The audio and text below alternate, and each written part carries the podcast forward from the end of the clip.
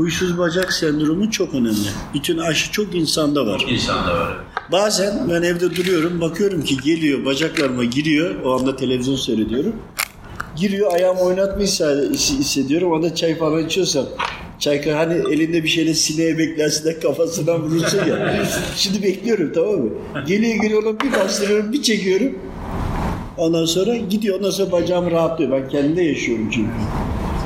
Ondan sonra Şimdi burada temel olaraktan tövbe istiğfar etmesi lazım. Fakat insanlarımız tövbe ettiği zaman ağızda sadece tövbe ediyor. Ettim diyor ya. Ya kalbinden edemedi. Kalbinden çıkartamadı. Kendine çok sıkıntı, aşırı sıkıntı verdi. Onları bir kere ayırıyor bir de. Bunları hiçbirini ayırmayacak. Bir de ne kadar sıkıntı verdiyse o kadar mükafatı fazla. Onlara hakkını helal edecek. Bir de onları Allah'ım onları cezalandırma diyecek. Bir de üstüne onlar için hayır için, iyi olmaları için dua edecek. Fakat iş yine burada bitmiyor. Şeytan yine hatırlatacak. Nefis yine hatırlatacak. Ya ben bunu helal ettim artık bende işi kalmadı. Bunun en büyük bir şey şudur. Ben hangi suçu işledim ki Rabbim bana bunu layık gördü müsaade etti diyecek. Suç hatırlayınca, o helallik konusu hatırlayınca kesinlikle diyecek ki ben hangi suçu işledim? Bu şekilde nefsine dizgin vurabilir. Ve tövbe istiğfarıyla birlikte tövbe istiğfarla birlikte küs kalmayacak ve bol bol infak etmeye çalışacak.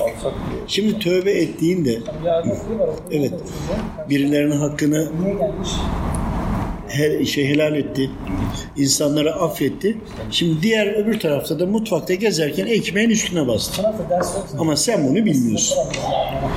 Veyahut da necaset veya idrar benzeri şeylerin üzerine bastın veya üzerine damladın. Sen bunları bilmiyorsun. Evde yemeği yaparken kocanı çekiştirdin. Onunla birlikte cinli yemeğin içine girdi. Sen bunları bilmiyorsun. Gelen gıdaların içinde alkol veyahut da kredi kartıyla aldık haram benzeri durumlar var. Sen bunları bilmiyorsun.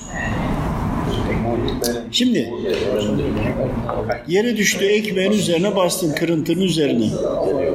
Cinni de onu yiyordu, kullanıyordu, kokluyordu diyelim. O anda cinniye de bastın. Cinni de sakat kaldı. Veyahut da incindi. Veyahut da 6 ay, bir sene, iki sene onun ağrısı ve acısını çekti. Hani sizin yolda giderken arabanın çarptığını düşünün.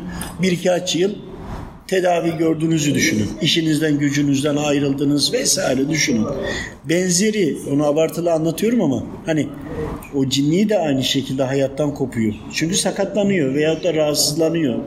İyileşme süreci var gibi. Bak bir tane kırıntı ya yerdeki ekmeğin üzerine bastın farkında değilsin. Şimdi allah Teala'ya sen kullara hakkını helal etmiyorsun, merhamet etmiyorsun. Ama senin de oradan bilmeden yaptığın var. Diğeri senin malını aldı gitti ama diğerini sen canına kastettin ama bilmiyorsun. Karşına ne çıkacak bilmiyorsun.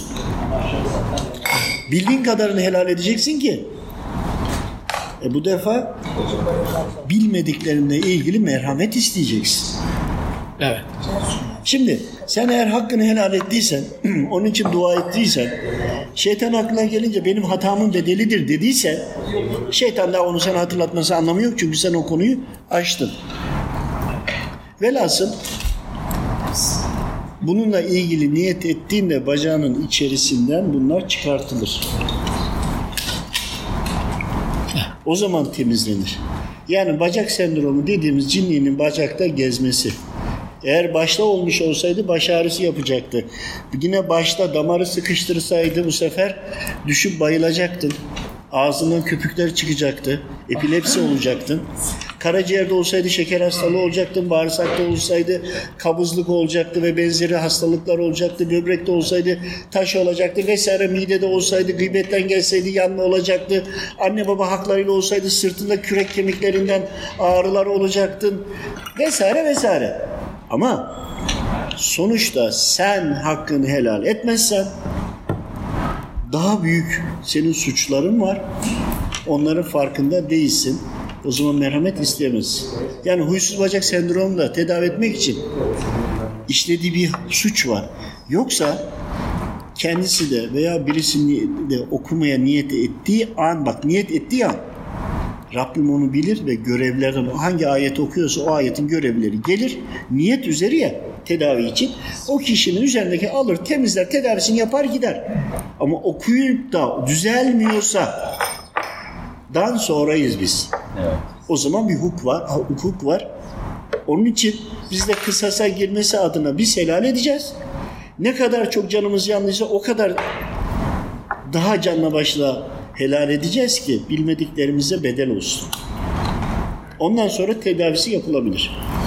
Ama bunları eğer yapmadıysa kendi yaptığı hatası var. Başkasının hatasını görüyor. Hakkını helal etmiyor. Oradaki cinniye basmış üzerine. Öyle ya yerde masanın altında veyahut da ekmeği böldüğü yerde var yerde üstüne basmış cinniye de basmış ekmeğe de basmış. Ekmeğe basmak ve cinniye bir kulun üzerine basıp sakat bırakmak veya canını acıtmanın bedeli ne ola ki? Ama bilmiyoruz. Onun için tövbe istiğfar genel olmalı. Ondan sonra e, bacaktaki üzerindekiler çıkartabilir. Bununla ilgili çok çok fazla hastalara baktık. Doğru. Ah.